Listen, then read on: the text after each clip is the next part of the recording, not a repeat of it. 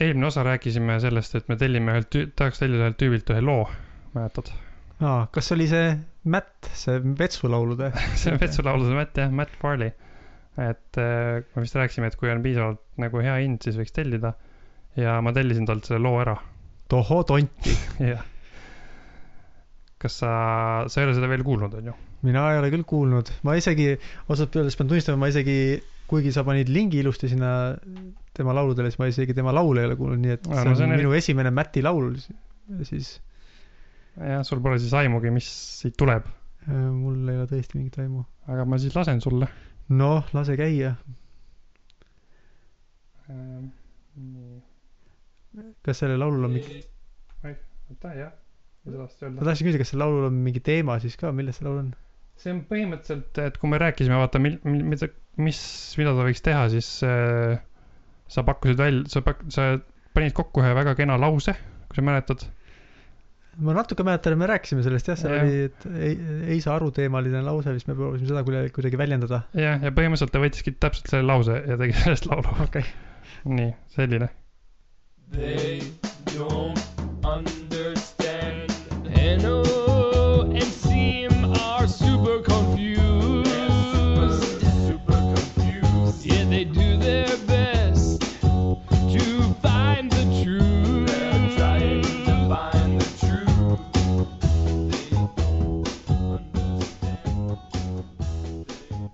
Põhimõtteliselt nüüd see on nagu see välja veidimise osa nüüd. see oli küll väga, väga kaunisti lauldud. sihuke hinge, hingestatult. Mm, mis su, kas see kuidagi vastas mingitele ootustele või sa oled väga üllatunud, et see on hoopis selline?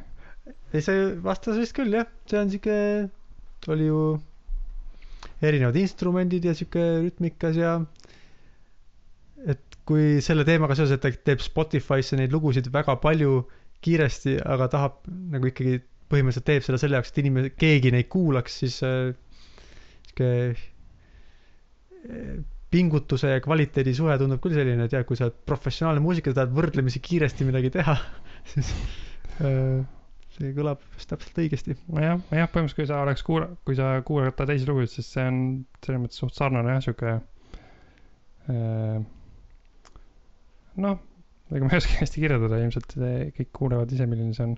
aga muidu mulle meeldis, ma ei tea mul, ma nagu kuulasin seda rohkem ja rohkem, siis mulle aina rohkem hakkas see meeldima ja lõpuks hakkas kummitama ja siis mulle tundus, et võib-olla see on praegu introlooks nagu enam-vähem okei okay,, sest et ta on ka piisavalt lühike ja jah, kui, kuigi ta on inglise keeles, aga võib-olla enamus inimesi saavad inglise keelest aru, kes meid kuulavad. jah, kuigi ja isegi meie nimesid ta proovis seal hääldada. jah, ma, kusjuures ma kirjutasin talle, kuidas neid hääldada, ma kirjutasin, et Henno on nagu Henn kriips OH, Henn-O ja sinu kohta kirjutasin Siim nagu näima, S-E-M.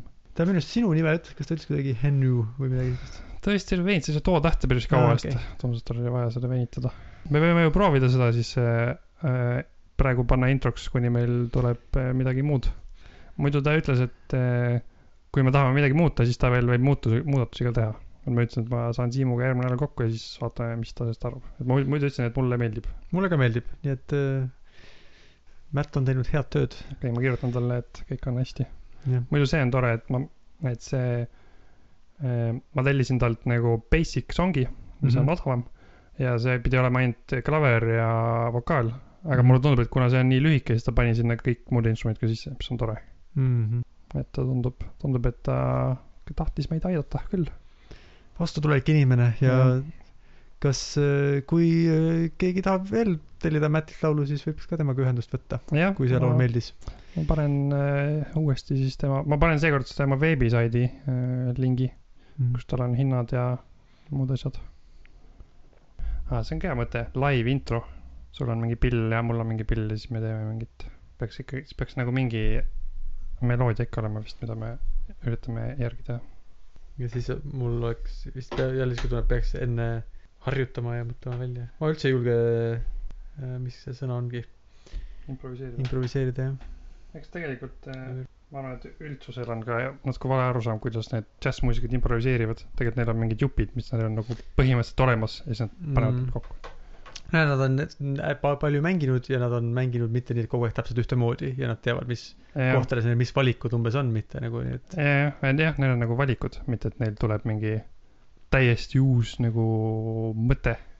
kuigi kindlasti on noh, sihuke mingi, kui see, ma arvan, nojah, ma ei tea muusika tegemisest mi- peaaegu mitte midagi nüüd arvan, et äh, samas, kui on mingi variatsiooni asjad, et siis on arvates ei ole nii, no siis sul on ikkagi üsnagi palju, ma arvan, improviseerimist, et kuhu sa mingi, ma ei tea, või siia panen mingi sihuke noodi vahele või mingi sihuke nagu väikseid asju, sihuke pisikest.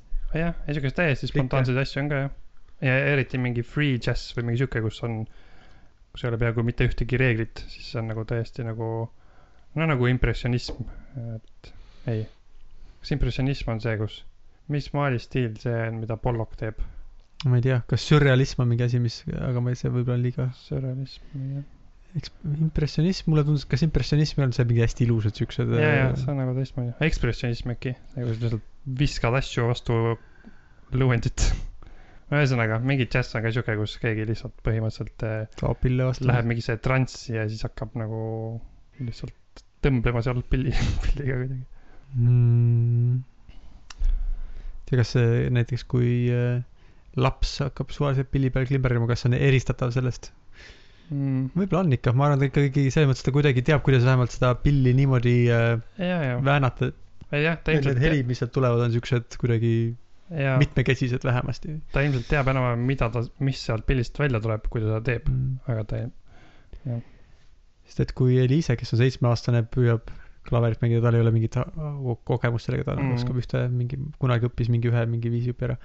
Et ja siis ta proovib, ta noh, tal lööb mingi ühes kohas neid klahve no, ta ei, isegi ei proovi nagu kuidagi seda eriti huvitavaks teha. mm. vaat noh, et üks asi, et sa ei tea, kuidas, ma ei tea, harmooniaid ja meloodiaid seal teha, aga aga isegi ei, ei proovi nagu eriti, et madalalt ja kõrgelt või no midagi siukest saaks Mm. teha, mis nagu, et sa tunned, aa, siin toimub midagi. no eks see on vist seesama teema, et eh, kõigepealt pead õppima maalima nagu realistlikult, kui sa tahad hakata maalima pärast kuidagi mm, ebarealistlikult ja veidralt. no sa ei pea, aga tava-, tihti vist ikkagi edukad maalikunstnikud üldiselt vist on mm. -hmm. tavaliselt õppinud mingid baasasjad ka ära. Ja et mul siis on- hakata nagu altereerima oma seda stiili. ma olen natuke sarnast asja kuulnud äh, teaduse kohta või ma ei tea, kus see, kus see jutuks tuleb, kui on mingisugused inimesed, kellel on võib-olla näiteks Probably Science'i podcast'is on sellest võib-olla juttu tulnud, see kõlab siin nagu, nagu nende teema, et et kui on mingid inimesed, kellel on mingi, oo, mul on mingi teooria, kuidas kõik tegelikult teadlased on millestki valesti aru saanud ja siis ju mingi ki- kirjutavad hullult pikkasid kirjasid ja seletavad oma ideid, aga no keegi, et vist kuulsamad teadlased saavad iga päev mingi mitu siukest tohutult suurt mingit kirja, kus on hullult pikk, pikalt seletatud, kuidas neil on mingi hull kaval teooria, mis kõik nagu jumast ägedaks teeb. aga nad ei viitsi neid isegi lugeda, sellepärast et kui sa ei demonstreeri nagu seda, et sa oled näinud vaeva ja õppinud selgeks selle, mis on meie üldine nagu arusaam, kuidas asjad käivad, kui sa ei näita välja seda, et sa oled sellest aru saanud ja siis kui sa saad aru ja ütled, okei okay,, ma saan sellest aru, aga ma saan, mul on niisugune teine teooria ja ma saan aru, kuidas nad omavahel seotud on ja ma saan aru, miks see teine parem on, Mm. siis, siis võib sind kuulata. aga kui sa lihtsalt hakkad tühjalt kohalt jaurama ja mingeid loobid mingeid termineid, siis ei ole isegi noh äh,, ei ole isegi mõtet nagu, ei ole vaeva väärt, et seda läbi lugeda, et jaa, võib-olla Neil deGrasse Tyson ütles, et ta saab iga päev ühe siukse kirja ja ta lihtsalt mm. kustutab ära, ta ei, selles mõttes, et et kui karjääri alguses ta võib-olla proovis lugeda ja vastata midagi, kuule, proovi enne lugeda ja siis seletada, kuidas see seostub millegagi, enam ei Mm. jaksa lihtsalt. Niisuguseid inimesi on nii palju, kes mõt-, arvavad, et nad on noh, nagu istuvad tugitoolis ja ei suhtle laiema üldsusega ja ei saa aru, kuidas asjad, asjade baas, kus on ja siis hakkavad oma nojah, teaduses on vist eriti oluline, et see, ma arvan, kunstiga sa põhimõtteliselt saad ka ilma hakkama, kui sa oled kuulus inimene juba enne ja sa hakkad tegema mingit imelikku kunsti ilma kunstihariduseta ja kogemuseta, siis ma arvan, et sul on lööki seal. võib jah, nojah, seal on mingisugune asi võib-olla, et see on nii ehe, aga yeah. ma arvan ikka mingi kunstikriitikud ikkagi, tõenäoliselt sul on nagu raske rääkida seda õiget keelt mm. Mhm., visuaalset või mis iganes kunstikeelt. kõige rohkem, ma ei tea, see on nüüd või- võib-olla ebaõiglane, aga ma mõtlen moekunsti peale näiteks, mis tundub eriti siukene, eriti kuidagi siuke su-, suvaline või nagu, et et seal, seal on veel vähem siukest nagu, et mingi, et oo, et ma, mul on mingi hullult äge idee vaid rohkem, veel rohkem nagu sihuke kokku, et nagu, et kes kõik, et mida see moekunstnike community hetkel arvab, et on nagu, nad on nagu kokku et mis see praegune vool on. jah, ma, ma sellest vist ei saa üldse aru. kuidas seal, no see on nii kõrvaltvaatest, võib-olla arenevad. on- see on jälle, kuidas me ei saa, me ei saa aru. ja, ja, et võib-olla, kes on moeekspert, teab, ei, see on hullult kavalad ideed ja hullult nagu sügavad ähm, nagu asjad, mida väljendatakse selle moega, aga no. nojah, eks see on vist paljude asjadega nii, noh, ma ei tea, kohvi või veini või asjadega ka, et äh, võhik, võhiku jaoks kõik on sama jama, aga need, kes on tegelenud sellega kaua, need nagu taju, no umbes, tegelikult see on nagu paljude muude asjadega nii, ma mäletan, kui ma kitarri hakkasin õppima, siis mida kauem ma olin õppinud, seda rohkem ma sain aru, kui vähe ma oskan seda mängida, mm, näiteks. et noh, ühesõnaga, ma arvan, et jah, ma arvan, et ma ei saa aru. aga kindlasti on seal nagu mingi äh,, mingi sisu, aga kindlasti on seal ka mingeid tüüpe, kes võib-olla nagu matkivad kedagi teist ja üritavad äh, jätta ehedat muljet, aga tegelikult ei ole ehedat. et ma arvan, et see on Mm. nii ja naa. nojah, sest tegelikult on ju moekunstis mingi sihuke, ma ei tea, H ja M-i moekunst ja siis on veel, aga on ka, noh, ma arvan, rohkem, kus on keegi, kes mõtleb reaalselt, oo, et see praegu, ma ei tea, ma tahan teha ülikondasid, mis on mugavad ja praegu on siukene, ma ei tea, et millega saaks mere peal käia või mis iganes, leiutad mingisugused asjad omal, mida sa tahad nagu saavutada ja kindlasti on nagu ka väga siukseid praktilisi ja väga loomingulisi ja ja no nii palju, kui ma, kui ma tean, siis minu arust need kiirmoed nagu H&M ja kõik need suured brändid üldiselt vist matkivad mingeid nagu disainereid mm. -hmm. Mm. vist käib nii. Äh, ma tahtsin, sa mainisid, et kitarri ja siis äh,, mida sa transmuusikast arvad, transist? Trance, see on ka üks sihuke asi, millest ma ei saa aru, et võib-olla äh, kunagi ma arvasin, et see on nagu mõttetu, kõik on samasugune, aga nüüd ma, ma olen suhteliselt kindel, et tegelikult, kui sa, kui hakkaksid seda kuulama, kui sul oleks huvi ja sa hakkad nagu seda rohkem äh, tähele panema erinevaid nüansse ja noh, tegelikult, et tegelikult seal on ka midagi, mida kuulata ja mingeid huvitavaid asju ja ja kindlasti seal on ka neid võltstüüpe, aga ma arvan, et see on ka kunstivorm nagu mingi muu muusika.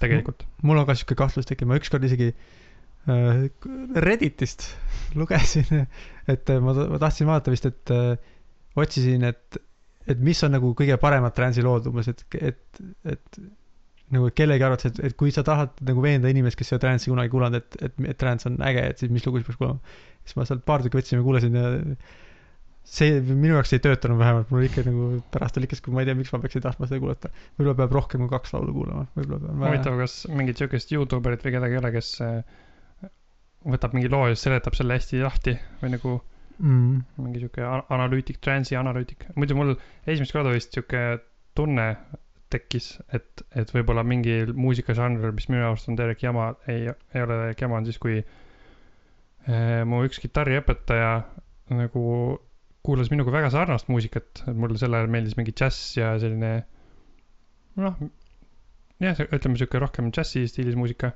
siis ma sain mingi hetk teada, et ta väga-väga-väga ka naudib väga heavy metalit.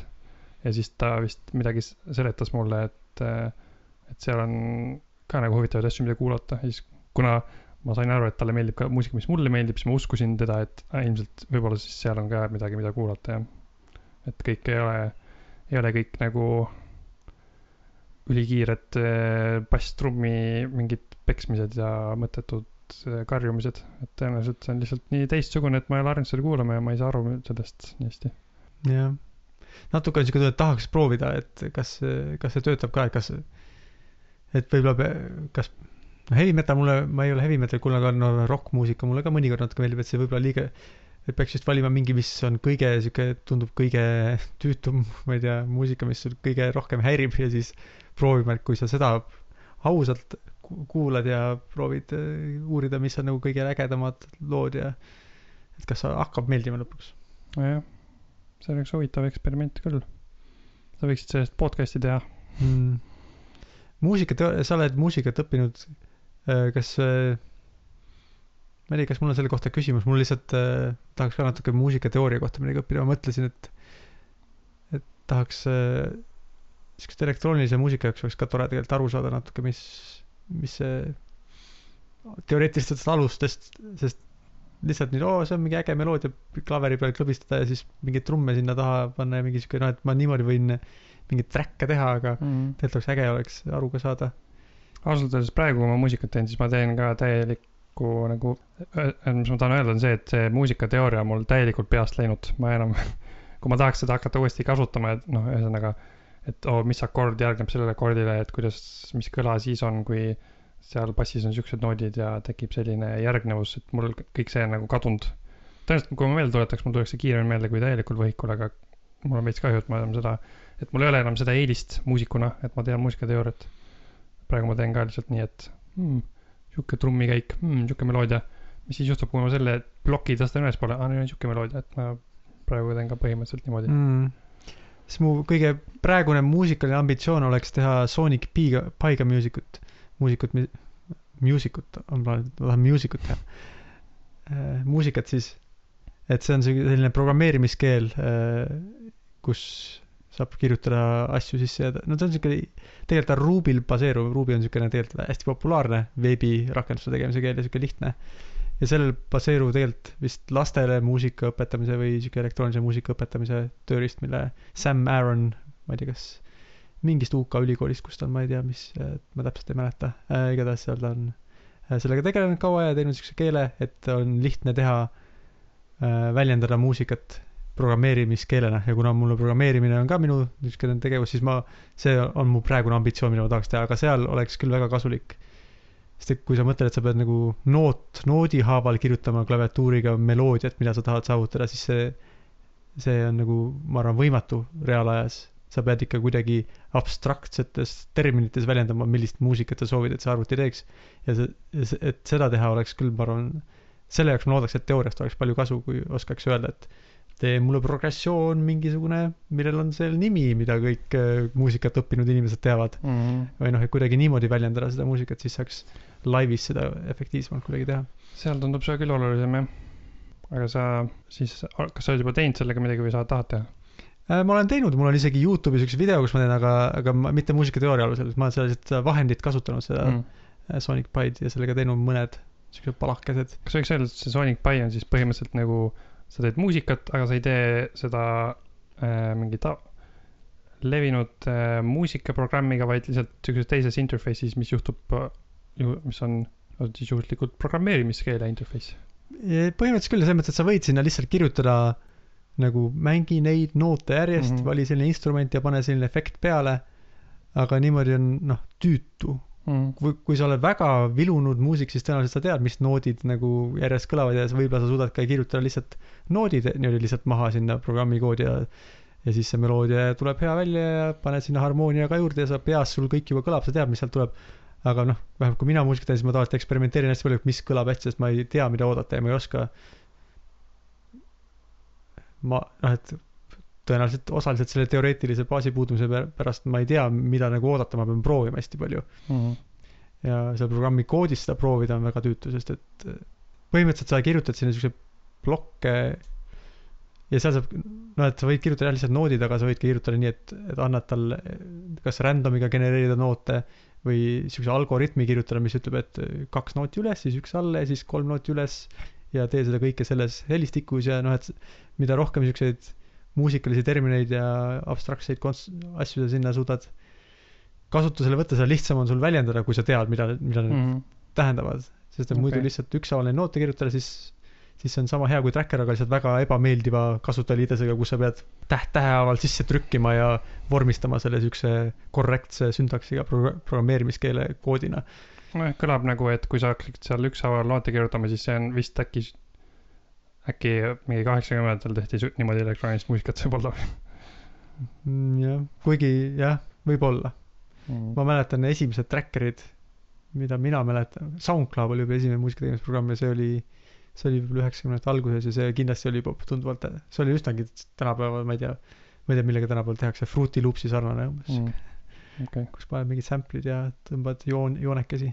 okei, no igatahes ma ootan su Sonic Pi'ga tehtud äh, al-, okei, mitte albumit, võib-olla teed mingi singli ja paned Spotify'sse siis, et me kõik saaks kuulata. kas sa oskad soovitada muidu, kui äh, võhik peaks hakkama muusikat õppima, et, et millele, millest, mille kohta peaks üks inimene, kes tahab muusikateooriast midagi teada saada, millest, kust võiks nagu tu- tihtilugu tundub, et lihtsalt kooliõpik võtta, et mingi muusikateooria kuuendale klassile, see võib-olla ei ole ilmselt, seal on võib-olla palju asju, mida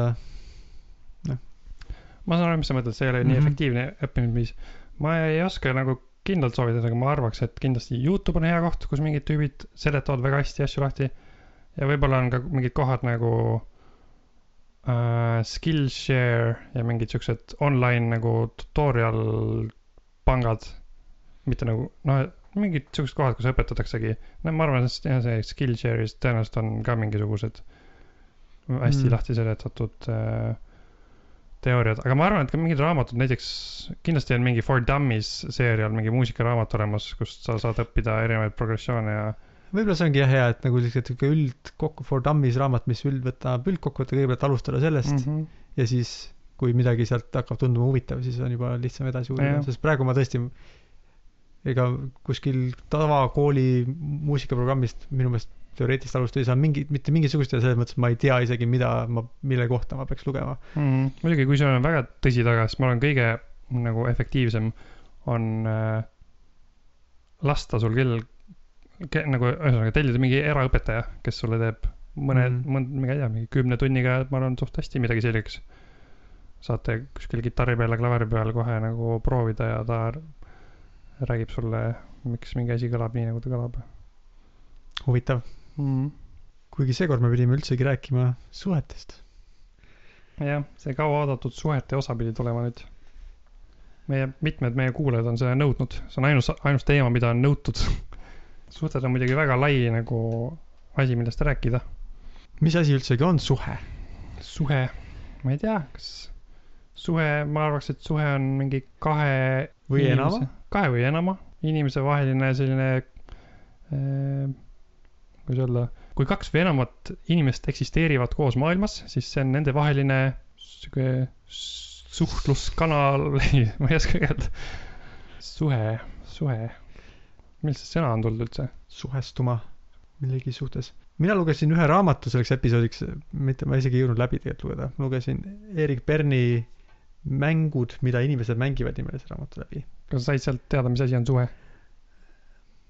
ma sain sealt öö, teada mõningaid sõnu, mille abil saab võib-olla väljendada midagi, ta, ta võib-olla ei, ei defineerinud, mis on suhe, aga ta defineeris, mis on suhtlemine. mis võib-olla on sarnane, et võib-olla suhe on selline seisund, kus inimesed suhtlevad või nagu selline inimeste konfiguratsioon, kus nad suhtlevad omavahel. kuigi suhe on natuke midagi rohkemat vist kui suhtlemine, see on ka mm. see kontekst, kust suheldakse. nagu, et mis äh, varasemad suhtlemised on toimunud ja, et mida need inimesed üksteise jaoks, mis rolli nad mängivad üksteise elus ja jah, suhe võib-olla isegi ongi tegelikult see kontekst kõige enam, kui mõelda. et mm. -hmm. kui sul on, kui küsida, mis suhe sul kellegi on, siis sa seletad nagu, et mis on teie, mida Nagu- üksteise jaoks tähendab jah. jah, jaa, okei okay,, jõudsime selleni, et suhe on, tähendab kahe inimese vahelist suht-, konteksti, milles nad suhtlevad. suhtlust ja konteksti selle ümber. okei okay., jess. see tundus, see on oluline kindlasti teada, millest me räägime.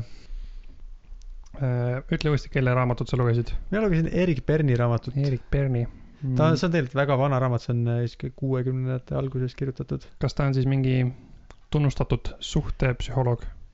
Ta on, ma ühe, ühesõnaga ma proovisin otsida, mis raamatud öö, on siuksed öö, suhetest, aga samas psühholoogilised või siuksed nagu tõsised raamatud, mitte nagu lihtsalt na- lõbusad raamatud või siuksed mitte popu-, mitte niivõrd, et, et kuidas öö, kümme trikki, kuidas abielu kauem kestab, et mitte neid raamatuid lugeda, vaid et kui midagi, mis oleks, annaks mingit teoreetilise aluse, et suhtlemisest mõelda. kas ta on siis, kas ta on siis nagu mingisuguseid välja mõelnud mingeid termineid ja kas ta on nagu siis mõelnud, et okei okay,, vist on, suhetega on vist sihuke lugu või? tundub, et ta tegelikult keskendus sellise suht, ta, tema, mis tema on andnud teooriale suhtlemisest on äh, või kuidas ta nimetab seda, transaktsiooni, et transaktsioonilised äh, suhted või ja ütleme, mida ta uuris, on see, et, et raamatu nimi oli Mängud, mida inimesed mängivad ja ta uuris nagu, kuidas inimesed enese tea-, ise teadmata nagu pidevalt teevad midagi oma suhetes, mis ei ole nagu sellele suhtele või inimestele tegelikult kasulik, aga nad teevad seda ja mis eesmärgil nad teevad ja äh, katsus nagu sellest aru saada. no nagu näited on, et ta püüdis alkoholismi selle äh, külje alt vaadata, et mitte selle sõltuvuse külje pealt, vaid seda, mida nagu inimesed, kes on al-, kes on alkohoolik ja kes on tema ümber olevad inimesed, et kuidas nad üksteisega suhtlevad ja mis rolle nad üksteisele mängivad ja kuidas see nagu alkoholismi mäng, nagu ta teda nimetas, koos püsib. vaata, ta nimetab, miks ta seda mänguks nimetab? Äh, see, see, on lihtsalt üks näide mängust, sellepärast et ta lihtsalt, et alkoholismi traditsiooniliselt vaadatakse rohkem sellise sõltuvusprobleemina, aga tema vaatas selle alkoholismi ühte teist tahku, mis on, koosneb sellest, kuidas on al- alkohoolik ja kuidas on üks inimene, kellele meeldib teda aidata ja üks teine, teise, teine roll, mis on alkoholi, alkohooliku hurjutamine ja kuidas need nagu, nende inimeste käitumised ja düna- dünaamika koos nagu moodustavad sellise äh, mustri, mis kordub ja kordub, kuidas alkohoolik joob ennast purju ja siis või ütleme, kõigepealt tal ei ole raha ja siis ta läheb kellegi juurde ja räägib temaga või palub ja siis see teine halastab talle ja annab talle raha või juua ja siis äh, kuidas pärast ta tuleb koju ja siis saab hurjutatud kellegi poolt ja kuidas see, mis emotsioone see selles inimeses tekitab ja kuidas see kõik kokku on nagu selline, et ta, ta, üldse ei vaadanud nagu seda sõltuvuse probleemi selle juures, aga tal on ka teised mängud, näiteks äh, üks teine mäng on äh, äh, näiteks on võlgnikuks olemise mäng, mis on, et tegelikult võib-olla isegi se- selle võlgniku mänguga seotud huvitav mäng on, et, et katsu mult raha sisse nõuda mäng, et kuidas inimesed, kui nad võtavad asju võlgu äh, või äh, nagu liisivad, aga teavad, et nad ei saa endale seda lubada, kuidas nad siis, et mis tunded neid valitsevad ja miks nad seda nagu teevad. see on üks mäng tema jaoks okay., et see, kuigi nad pärast neilt nõutakse seda raha sisse ja see neil on nagu halb tulemus nende elus ja nad võivad seda nagu ette näha, et see niimoodi läheb, aga kuidas neile emotsionaalselt, neile ikka meeldib seda teha.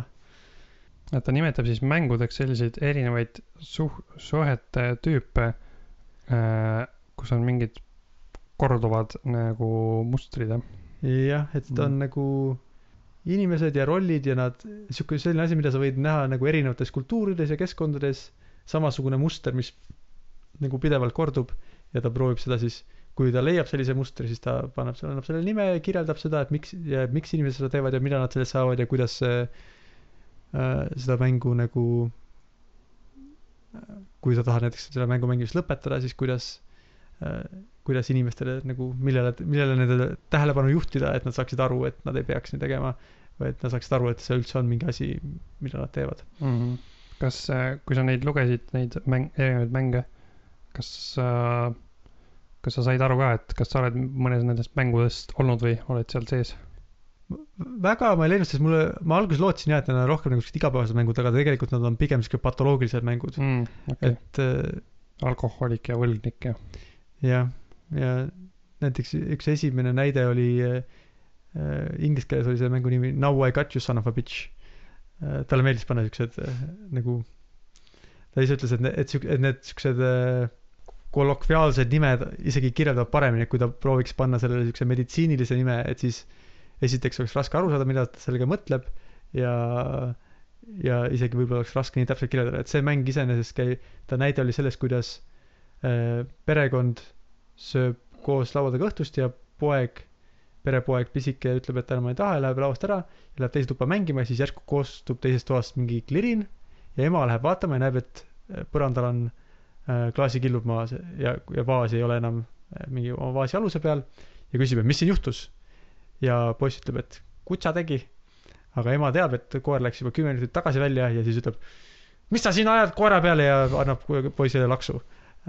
et ja selle mängu element siin on see, et ema tegelikult, kui ta tuli sinna, ta teadis, et mm. tema teadis, et koer on väljas. ja ta nägi, et klaasikillud on maas, ta teadis, et poeg seal mängis, ta teadis, mis seal juhtus, tal ei olnud vaja küsida, mis siin juhtus. et see küsimus, et mis siin juhtus, on tegelikult põhimõtteliselt ta pakkus nagu justkui pakkus palve, et kas sa kavatsed mulle valetada, kui ma mm. küsin su käest, mis siin juhtus.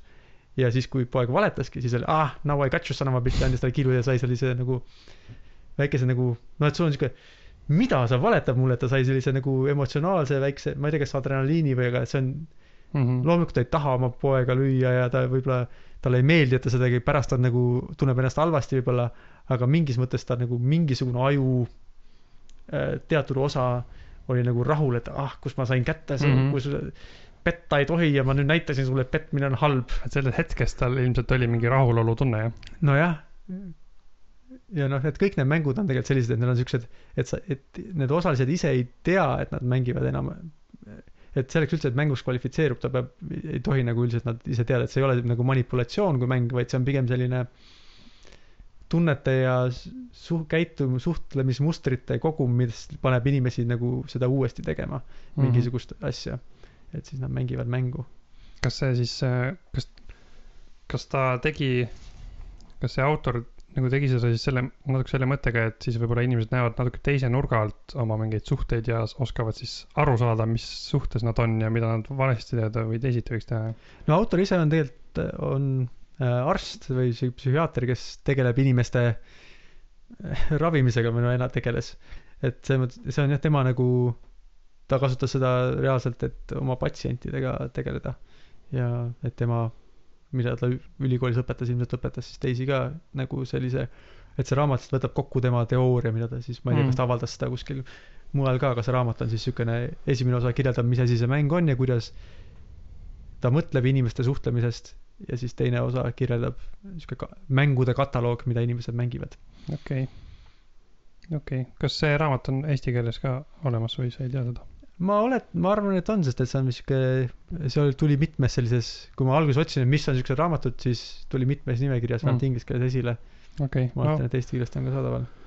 no kui ma leian, siis paneme selle sinna märkmetesse kirja, et siis kõik inimesed saavad mängudega tutvuda. jah, ja vähemalt kuigi ma ei leidnud väga palju oma elus, et mida me nagu kogu aeg mängime, et oma abikaasa Meritiga mingeid mänge kogu aeg ei ole üksteise peale, aga ma arvan, meil on ka siukseid mustreid, mis korduvad ja mida ma nagu, nagu me mõlemad teame, et need on siuksed mõttetud ja ajavad meid lihtsalt nagu siukene, et sa tead juba umbes mingi jutuajamise alguses, tõenäoliselt selle jutuajamise lõpuks me oleme üksteise peale vihased. ja nagu kumbki ei tea täpselt, miks me siis üldse seda nagu teeme. aga lihtsalt et ma arvan, et meil on ka siukseid elemente, et võib-olla me ei mängi nüüd ühtegi ametlikku mängu, mis tema raamatus kirjas on, aga aga nendest lugemine pani mind küll rohkem mõtlema ja nagu et okei okay,, et võib-olla siis, et, et mis see siis, et mida, miks me teeme seda ja miks me ta-, et mis meid sunnib seda uuesti sedasama vestluskäiku läbi käima mm. -hmm. ja kes või mida või kuidas siis võiks teha, et sellest välja saada. et sa, et, et võib-olla sa oskad nüüd mõelda kuidagi paremini, et, et ühesõnaga tuvastada enda elus mingeid eh, siukseid custom mänge, mille, mida siis yeah. võib-olla seda infot kasutada, et neid muuta, kui taht-, tahta, jah. jah, ei, ma saan sellest aru küll, meil on ka Liisaga nagu noh, ikkagi üldiselt mingid vaidlused põhimõtteliselt korduvad nagu struktuurid või siuksed, siuksed algused ja lõpud on ikka nagu suht samad igasugustel vaidlustel Mm. ja, ja no, tavaliselt ma hiljem saan ka alati aru, et okei okay,, jälle, jälle ma tegin nii ja jälle juhtus nii ja et huvitav mm, et ma võiks saada sellest varem aru, jah. minu jaoks väga huvitav oli just see, et inimesed teevad seda nagu teadmatult ja, ja teine huvitav aspekt oli see, et nagu i- samas inimesed saavad sellest ka midagi, et näiteks see ema, kes oli kõrval kiilub poisile andis, et ei ole, no ta, ta ei taha seda teha võib-olla ka ametlikult kindlasti ei taha ja võib-olla isegi nagu südames ka tõe, tõepoolest ei tahaks oma last karistada, aga aga ta tegelikult saab sealt väikse sellel hetkel, tal on niisugune nagu nauding ja sellepärast on nagu ajus see tagasiside, kus sa et ühesõnaga isegi negatiivsed kogemused, mis kõikide osaliste poolest arvates, kui küsida nende käest, ütlevad, et see oli halb kogemus. tegelikult see võib olla su nagu mingil hetkel kuskil nagu sulle selles mõttes positiivne, et sa tahad seda uuesti teha, et see, see, see nagu see emotsioonilaine nagu on mingil tasandil nagu selline, et sa tahad uuesti saada seda. Mm, et kui sa, kui Kuigi-, kui keegi skänniks su aju samal hetkel, siis tõenäoliselt mingi, mingi naudingu osa sealt läheks Jah, põlema mingi hetk. kuigi sa ise võib-olla ei tunne seda niimoodi või sa ei identifitseeri seda kui naudingut, aga mm. see on, sa hakkad käituma, et neid veel saada mm mm., isegi kui nad on siuksed ob-, objektiivselt ja subjektiivselt igatpidi nagu kõik kirjeldaksid negatiivselt. aga sul, kui nad on nagu intensiivne, siis see on nagu no nii nagu õudusfilmi vaatamine, oleneb, kuidas sa sellest mõtled, ta on tugev emotsioon ja äh, võib-olla see on, hirm on ju negatiivne, aga kui sa seda mm. -hmm. elu huvitavamaks tegemise mõttes on ta kuidagi positiivne. nojah, mulle tundub, et see võib-olla vaidluse käigus mingi negatiivse asjaga positiivse emotsiooni saada, võib-olla mingi sihuke ärapanemise nagu mm, tahe või, et saad mm. -hmm. et sul on õig-, noh, võib-olla jah, et sa või-, et sa võidad või sul on õigus, et sa teed, teed, tal, ta nagu, jah, see on kindlasti, see on nagu jah, sellega isegi on isegi küünilised inimesed või noh, sellega oleks lihtsalt nõus. aga mulle tundus, et ta isegi kirjeldas, et näiteks, et see alkohoolik võib-olla naudib, no tema see alkoholismi mängus oli alkohooliku sooviks äh, see, et teda tehakse maha nagu, et ta tõi mitmeid näiteid, et kuidas alkohoolikud, kes käivad seal oma alkohoolikute koosolekul, tahavad, et inimesed räägiksid neist negatiivselt ja neile meeldib kuulata, kui halvad inimesed nad on.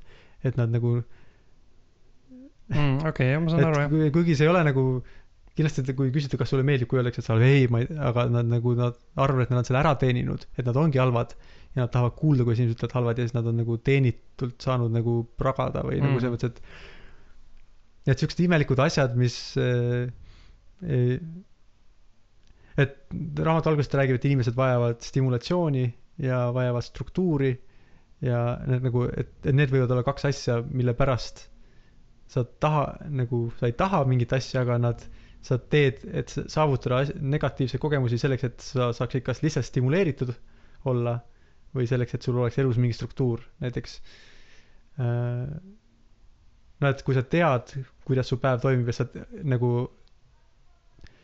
isegi kui sa, keegi saab, ma ei tea äh, negatiivse kogemuse osaliseks, kui sa tead selle ette ennustada, et sa varsti selle saad, siis see on mõnes mõttes sulle lohutav, sest et sa tead, et see juhtub, see on nagu sihuke teadmatuse, kui sa ei tea, mis toimub, siis see on veel hullem kui see, et sa tead, et toimub midagi halba. Mm -hmm. et selles mõttes struktuur ja stimulatsioon on siuksed asjad, mida inimesed vajavad ja isegi kui see struktuur ja stimulatsioon on negatiivsed, siis sa võid neid ikkagi äh, ma ei tea, kas alateadlikult on võib-olla halb sõna, aga sa võid neid soovida ja ihaldada ja selles mõttes tegutseda selle nimel, et neid sa korduvalt saada ja kui sa tead, kuidas saada neid negatiivseid kogemusi, siis sa puhtalt struktuuri ja stimulatsiooni pärast võib-olla otsid neid. -hmm. okei okay.. struktuurstimulatsioon, kas see siis tähendab nagu, et, et see inimene tahab nagu, kas ta tahab äh, mingit nagu rutiini või ta tahab saada midagi, mida ta oo- ootab või? ta tahab mingit ootuspärast reaktsiooni saada või? see on jah struktuur, kui, kui sa tahad nagu, et, et sa teaks, mis juhtub ja et sa nagu ootad, et, et, et, et sa eelistad ette ennustatavat, ennustatavat halba sündmust äh, teadmatusele. Aga stimulatsioon on, see on lihtsalt, et äh, nagu võib-olla natuke nagu, et sul ei ole igav, aga kuidagi fundamentaalsemal siuksel ajutasemel. üks näide oli, mis ta seal raamatus tõi, oli väike, väikelastega seotud, et oli uuritud, et, et beebid, kes on täiesti tähelepanuta jäetud, et nende, neil on nagu, see on nende har- arengule veel halvem kui see, kui beebid, kes saavad tähelepanu, aga võib-olla isegi negatiivset tähelepanu või keda kuidagi lapsevanemad halvasti kohtlevad, aga et see on nende nagu aju arengule siis siiski ikkagi parem, kui nad vähemalt äh, nagu on stimuleeritud, et neil toimub midagi elus ja nad ei ole nagu täiesti üksinda toas ja tähelepanuta. et see on see stimulatsioon.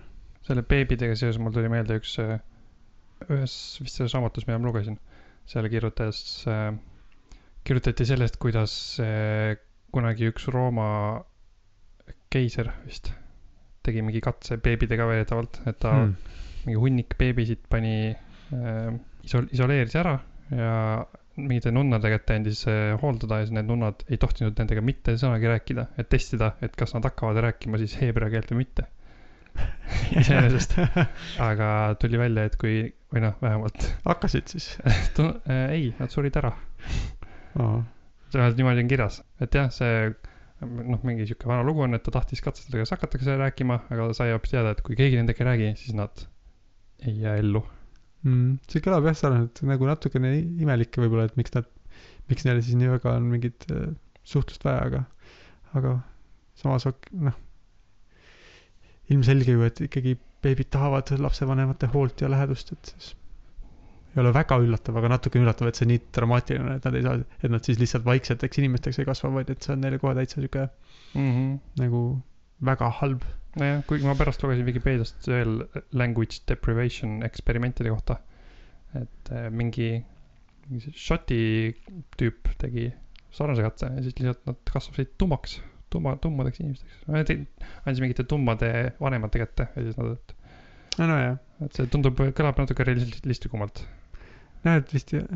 ma olen äh, ka Vikipeedias isegi ka lugenud sarnaste asjade kohta äh, mingitel näidetel, kus äh, lapsed, kes on kasvanud, kelle vanemad on millegipärast leidnud, et nad on väga halvad ja on neid hoidnud nagu kuskil kinni ja nendega väga vähe suhelnud ja siis, et kuidas nad täiskasvanuna on, on siis elanud.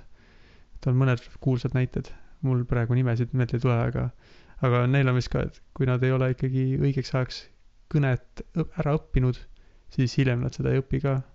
mm.. vähemalt need, kes on nagu niimoodi noh, täiesti kriminaalselt ja jubedalt mm. -hmm. üksinda jäetud ilma hooleta. aga mm,. okei päris, päris tumedasse kohta läksime oma jutuga. jaa, võib-olla peaks siis äh, rääkima millestki veel positiivsematest suhetest. midagi, aa, muidu huvitav asi on see, et äh, see raamat, millest sa räägid, et ma vaatasin, et üks, see on juhuslikult üks nendest raamatutest, mida Liisa sulle eelmine kord näitas. ma arvan, see ei pruugi olla väga juhuslik, sest üks, ma jätsin nagu meelde, mis nendes raamatutes oli ja see, et ühes räägiti midagi mingitest mängudest, oli võib-olla see põhjus, miks ma selle teise raamatu mm.. pärast siis internetist üles otsisin. et ühesõnaga, kui ma enne küsisin, kas see on eesti keeles ka olemas, siis jah, see on, see on minu kodus, keegi tahab seda lugeda. ja siis ma saan võib-olla ise ka seda lugeda. Mm -hmm. ma ainult väikselt mõtlen, et eh, sul olid seal siuksed huvitavad mängunimed nagu, mis see oli? I got you son of a bitch. ka-, kahtlustan, et eesti keeles see ei kõla nii hästi. ma ei tea, võisid üles, ma ei mäletagi, kus kohas see oli, see on ilmselt üsnagi alguses, aga mitte nii ilmselgelt, võib-olla sa ei leia seda kohe üles, see peaks Jaa. olema üks esimesi siukseid sissejuhatavate lõik-, nagu lehekülgede hulgas Mm. on ta juba mainib seda, nagu toob selle näite.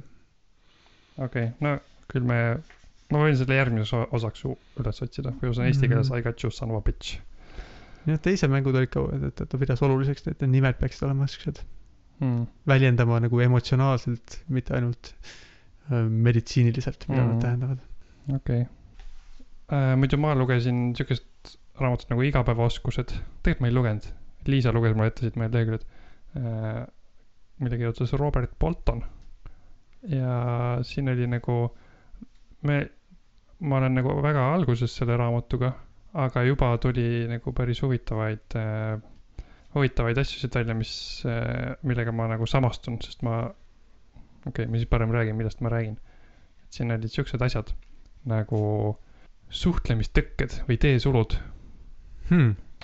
ja need eh, kõnetasid mind, sellepärast et päris palju asju nendest ma vist ise ka kasutan, mitte tahtlikult siis.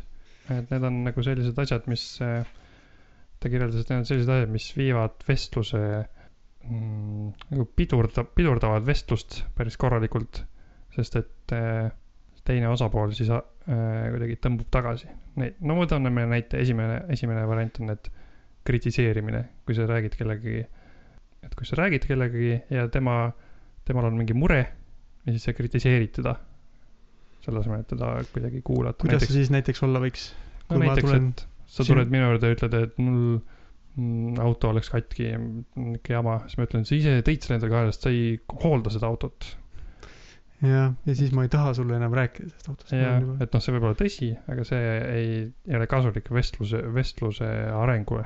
aga mis siis, kui ma tõesti ei hoolda ja sellepärast läkski katki, kas siis, siis ei tohi öelda niimoodi nagu see ei ole hea, siin vist ütleb ka, et, et kõik need teesulud ei ole esimese reaktsioonina head.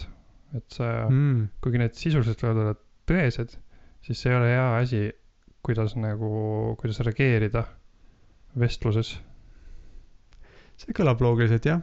ma arvan, ma et ma arvan, et, et et sa võid ikka kritiseerida, kui, aga sa pead siis olema jõudnud selle järelduseni, et hmm, mulle tundub, et praegu oleks õige aeg teda kritiseerida natuke jah, ja mitte seda kohe alustama siis, kui sul nagu kuuleb midagi, siis kohe alustad kritiseerimisest ja pärast mõtled, mida veel võiks teha. jah, sest et nagu siin, siin juba järgmises peatükis tuli ka välja, et räägib äh, sellest, kuidas paljud inimesed ei oska kuulata. et see on vist ka see osa, et tähendab, see on nagu, et oluline on, et sa kuulad seda inimest ja et see inimene saab aru, et sa kuulad teda ja, ja siis noh, sa võid siis mingil muul ajal nagu hakata üldse välja selgitama, kas ta tahab su abi, see on nagu esimene asi võib-olla, mis, mis tihti läheb valesti et kas ta tahab, et sa hakkaks lahendama ta mure. Ja seda ma olen ka märganud, mina, mul sihuke automaatne reaktsioon on ka proovida muresid lahendada või soovitada midagi või ja siis ma, no viimasel ajal ma olen proovinud natukene oma isiklikes suhetes ka rohkem lihtsalt öelda, pole viga. küll on kahju, et, et, et su, et sa ennast nii halvasti tunned või midagi sellist, mitte hakata kohe pakkuma ja soovitama ja mm. -hmm. lahendama. see on päris keeruline, sest mul, mul tavaliselt tundub, et kui ma ei hakka üritama mingit lahendust pakkuda, siis, siis kui ma just ütlen, et noh, pole hullu, et. ilmselt see on ka nagu, kuidas seda ütled, aga mulle tundub, et kui ma, kui ma jätan mulje, et ma ei ürita seda lahendada, siis ma olen mõttetu vestluspartner. aga tegelikult vist Mhm. ei ole nii. muidu siin on ka üks neist äh, suhtlemistegevustest ongi nõu andmine.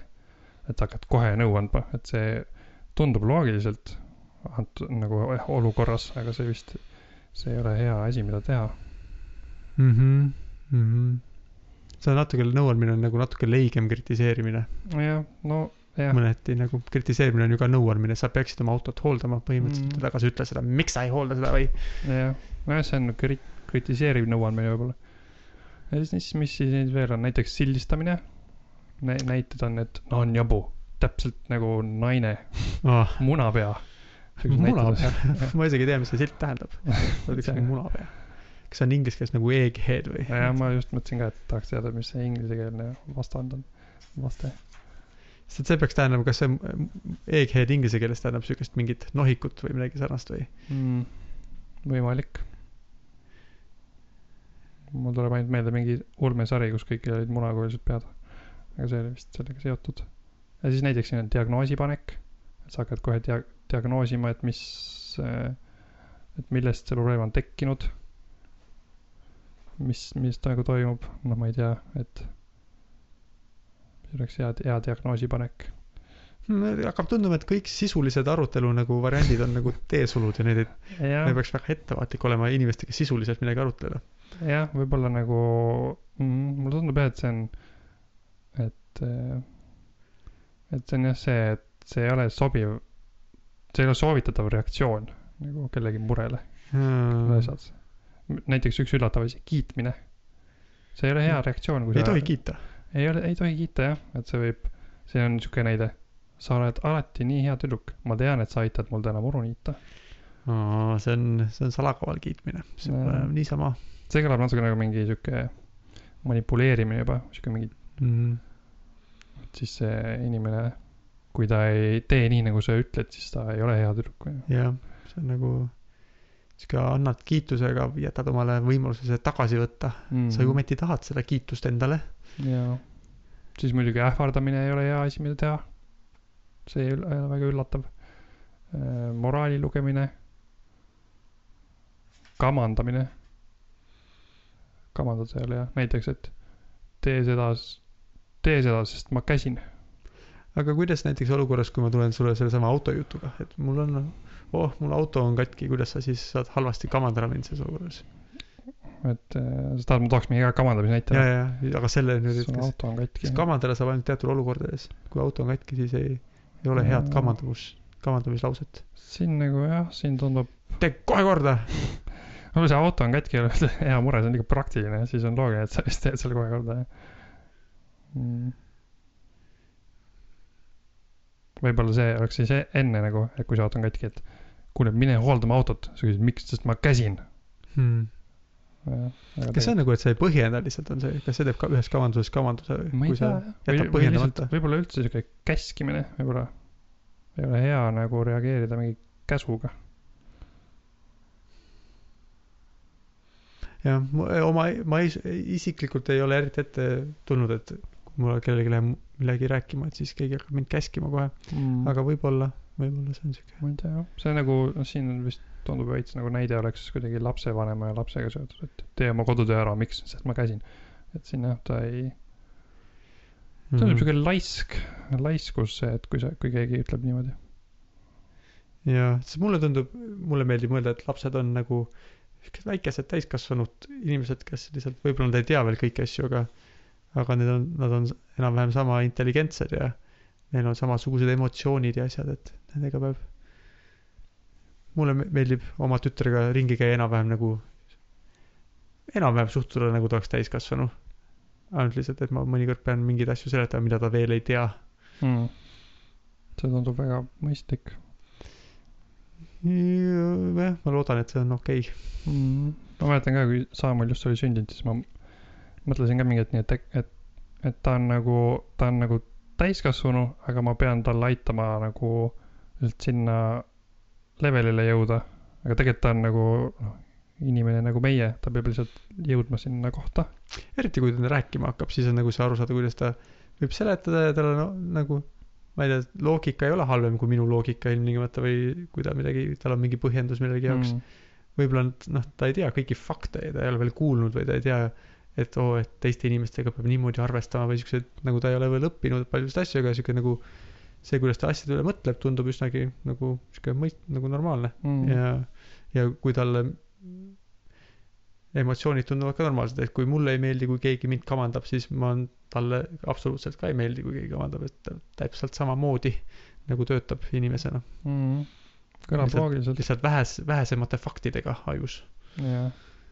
muidu faktidest ja loogikast rääkides, üks suhtlemistõke, mida ei soovitata kasutada, on äh, loogiline argumenteerimine. Mm. seda ma, ma arvan, et mina teen seda ja ma arvan, et ka Liisa on teinud seda. et kui üks meist on nagu kuidagi, on halb tuju või millegi, kuidagi emotsionaalne millegi mm, pärast, et siis ürit-, üritada seletada loogiliselt, et aga sa ei pea ju, sa, et sa ei pea kurvastama, kõik on, et asjad on niimoodi, et see on sellepärast ja see on sellepärast ja kui sa teed niimoodi, siis sa ei ole kurb, onju et see ei, see ei vii eriti kuskile tavaliselt nagu äh, sellises olukorras, kui keegi on emotsionaalne. jah, seda ma kujutan ka ette, sest mul siis oleks ju selline tunne, et nagu teine inimene ei saa sust aru umbes ütleb nagu, et et, et sul ei ole õigus olla kurb üldsegi või et, või mis iganes tunne sul on, et sul ei ole sellele õigust. Ma siin Mhm. seletasin loogiliselt ära, kui vale tunne sul praegu on. ja, ja mul tuleb küll ette mingi hetk, kui ma olen midagi öelnud, aga siis äh, aru saamata, et äh, kuidas see võib Liisale kõlada ja siis Liisa muutub võib-olla kurvaks selle tõttu. ja siis ma küll, ei, ära oota, ära muretse, ma mõtlesin hoopis seda, see, sa ei pea muretsema, sest asjad on hoopis nii, aga noh, tegelikult äh, ma olen juba, juba on nagu emotsioonid mängus, siis see ei tööta niimoodi Mm, jah, kuigi noh, see on, eks see on nagu nii ja naa, võib-olla mingi, pead leidma mingi tasakaalu seal, ettevaatlikult kasutama loogikat siukses olukorras. mis sa üldse emotsioonidest arvad? emotsioonidest, kas emotsioonid on head asjad? ma arvan, et eh, nad, ma ei teagi, ma arvan, on küll jah, nad on head, aga nendega tuleb osata elada. okei okay., sellega võib nõus olla. ma olen vahepeal mõelnud või no ma arvan, mina, Merit mõnikord arvab, kes on minu abikaasa, siis tea, kas ma mainisin juba selles osas, et ta on mu abikaasa, mul on abikaasa nimega Merit, kes arvab, et et tema arvab rohkem, et emotsioonid on veel tähtsamad või nagu siis ta mõnikord arvab, et või ütleb, et et see, et ma püüan nagu rahulik olla, et siis ma ei lase emotsioone ja see on tegelikult nagu halb ka. ma ei tea, kas on, kas ma kas see tähendab, kas on päris nii? Siis sellepärast ma küsisin teilt, et mis sa Mm. arvad, kas nagu emotsioonide nagu kontrolli all hoidmine sihuke nagu, kas sellega saab üle piiri minna või et kas on nagu mõnikord oleks hea kasulik ikkagi lasta lihtsalt emotsioonid ära tunda ka mm.. no ma ise, ma ise olen mõelnud tavaliselt nii, et kui ma olen kuidagi emotsionaalseks muutunud millegi peale, siis äh,, siis mulle se- pära- sel hetkel ei meeldi, et ma olen emotsionaalne, sest mulle tundub see tüütu. et palju lihtsam oleks, kui see ei mõjutaks mind nii. kui see on negatiivne emotsioon muidugi, siis Mm. ma räägin sellest. aga, aga ma kahtlustan, et kui äh, ma ei tunneks negatiivseid emotsioone, siis oleks võib-olla hoopis keerulisem koos elada teiste inimestega, ja mängides teistes olukordades.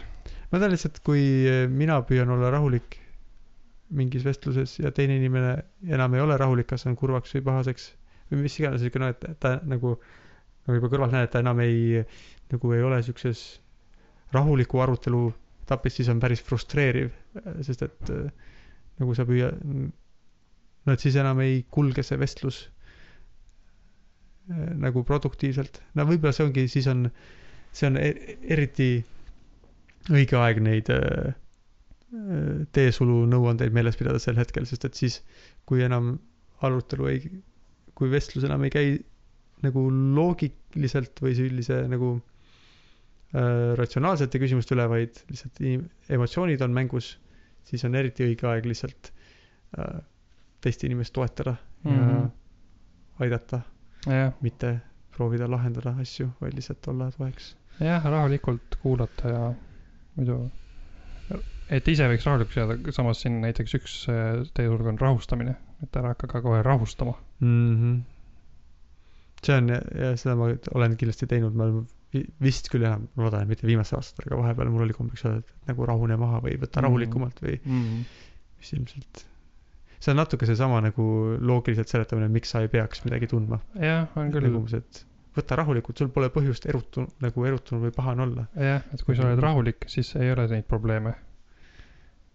Aga aga, aga mõnes mõttes see probleem ongi, et aga ma ei ole praegu rahulik, mul on praegu siuksed emotsioonid, mis mõjutavad mind tugevasti.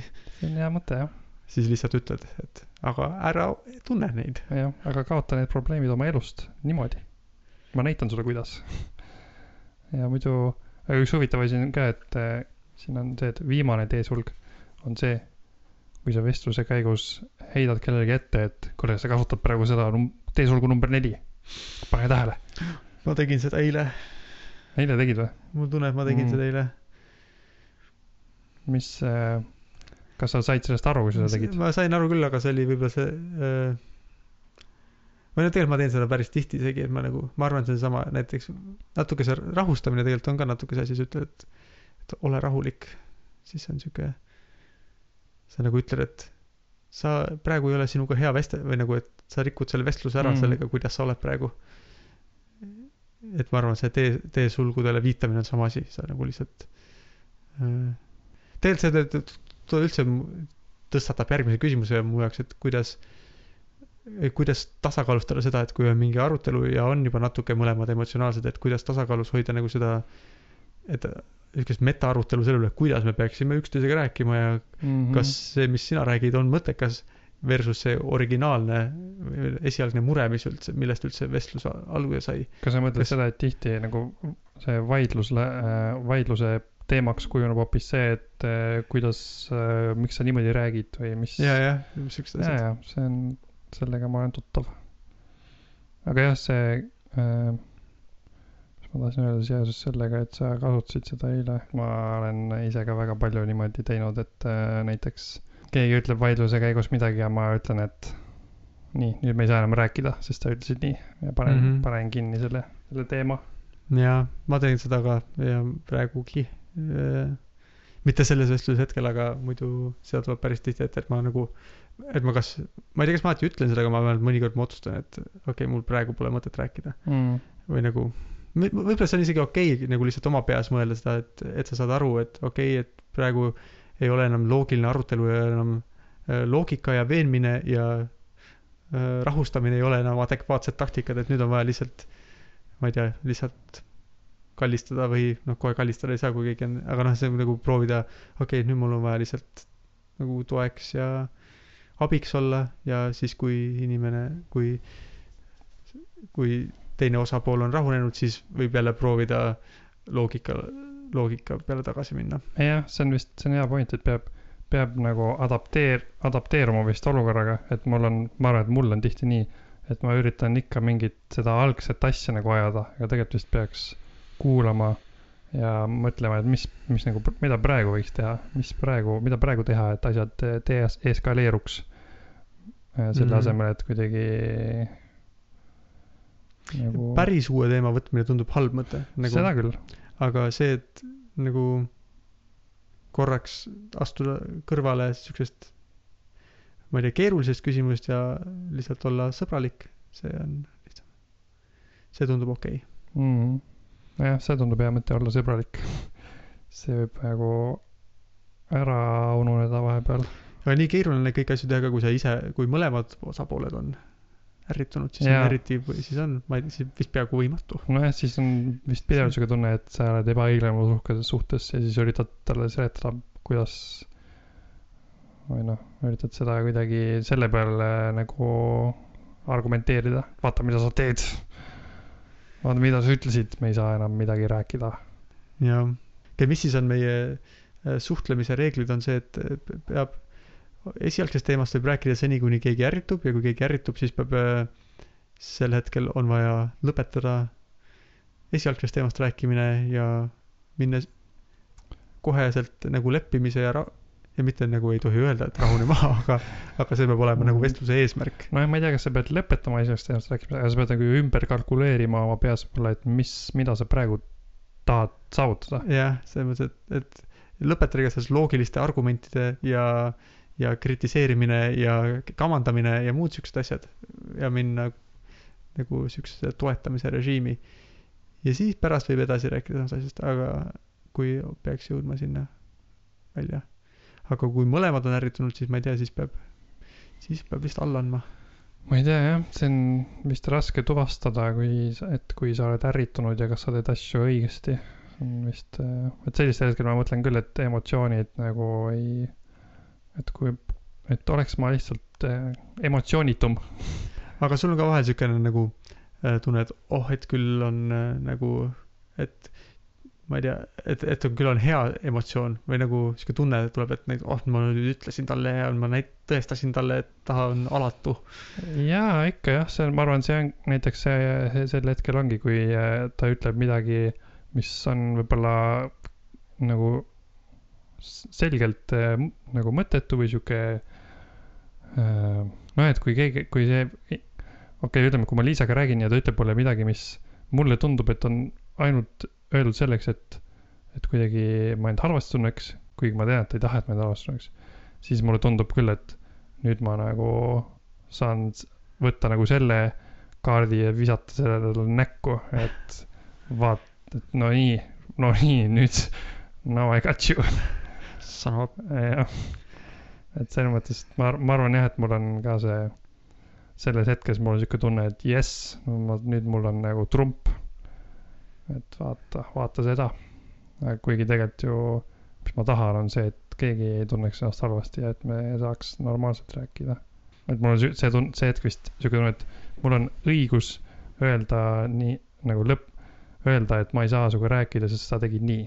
aga tegelikult vahet pole, kas mul on see õigus või mitte, et ma peaks see on naljakas ja kus see nagu, miks on see, kus sa üldse leiutasid, kas see on huvitav täiesti nagu me peame jälle võtma need imikud ja panema kuhugi elama nunnadega ja siis vaatama, kas nad hakkavad ka nii tegema. kas see on nagu ikka õpitud asi või see on äh, lihtsalt nii inimomane, et mm. ka õiglustunne või ärapanemise või mis iganes need teised siuksed naljakad emotsioonid ja asjad, mis juhtuvad. mm. -hmm. see on huvitav jah, ma, ma kuulasin mingit äh,, kuulasin ühte podcast'i, Probably Science, seal oli külas äh, neil Dean Burnett, kes kirjutas mingi äh, aju kohta mingi raamatu ja seal ta ütles, et, et inimesel on vist mingid äh, hästi nagu, hästi vanad ajuosad, väga vanad ajuosad, mis on pärit sellest ajast, kui inim-, kui me olime alles reptiilid Mm. mis on sellised väga primitiivsed ja, ja kuna sul on ka need uued ajuosad, siis need ajuosad omavahel nagu võitlevad, et mingi primitiivne ajuosa võib-olla, võib-olla siis see primitiivne ajuosa nagu tahab ära panna, tahab seda nagu, tahab nagu seda, lihtsalt seda puhast õiglust enda arust taga ajada, aga tegelikult meil on nüüd, meie elud on juba nii palju keerulisemad ja komplekssemad, et see, sellest pole enam nii väga kasu, et nagu tema arvas, et meie, et meie ajus nagu on mingid sellised võitlused, et mis, mis ajuosa nagu, kellel Mhm. on äh, õigus, kes saab võidule. ma olen ka kuskilt kuulnud, et on nagu isegi kolm siukest taset, et on nagu on, ma ei tea, keegi nimetab vist ka, et reptiili ja hobuse ja siis inimese aju. nagu, et hobuse aju on siukene, et lihtsalt, et siuke primitiivne grupikäitumine. et äh, kes on boss ja kes keda peab kuulama, sest et reptiilidel vist väga siukseid gruppe ei ole või siukest nagu mm., meil on nii siuke primitiivne enesealalhoiu aju ja primitiivne grupiaju ja siis siukene see meie moodne inimaju, mis suudab Mm. keerulisi mõtteid mõelda ja ah,. hea väga, väga kaval olla. loomajad jah on, tahavad ellu jääda, onju.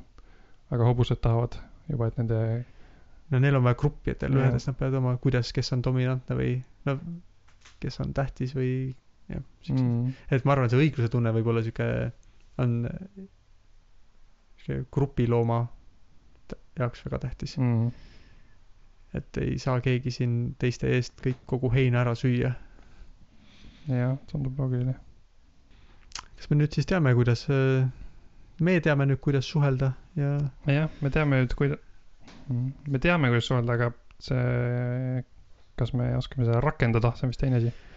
jah, seda me võime siis järgnevates osades ilmselt tagasi vaadata, kuidas meil õnnestus T-blokke või T-sulgusid või kuidas need me nime nimetame, neid vältida ja milliseid.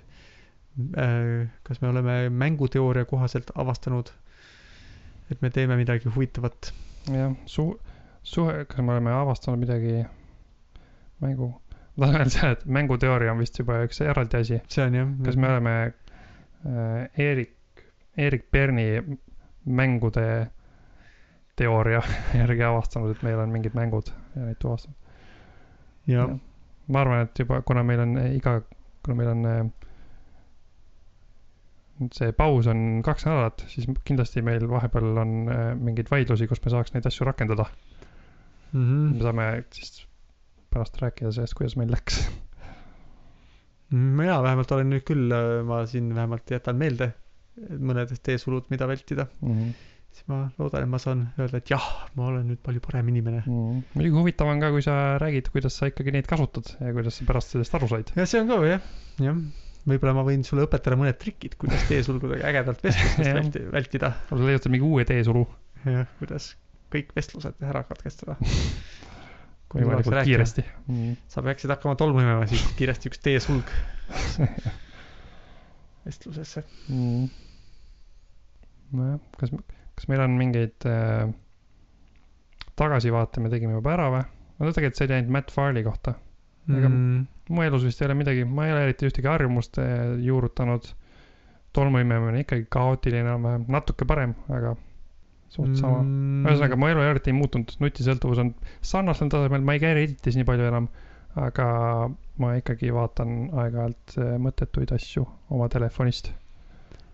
jah, mulle selle äh, puhkuse, ma olen nüüd olnud kaks nädalat puhkusel, nüüd juba kolmas nädal läheb ja esimese nädala esimesed päevad mul ei tulnud oma harjumuste jälgimine eriti välja ja siis teisel nädalal mul tuli väga hästi välja ja nüüd mulle jälle ei tule väga hästi välja. huvitav.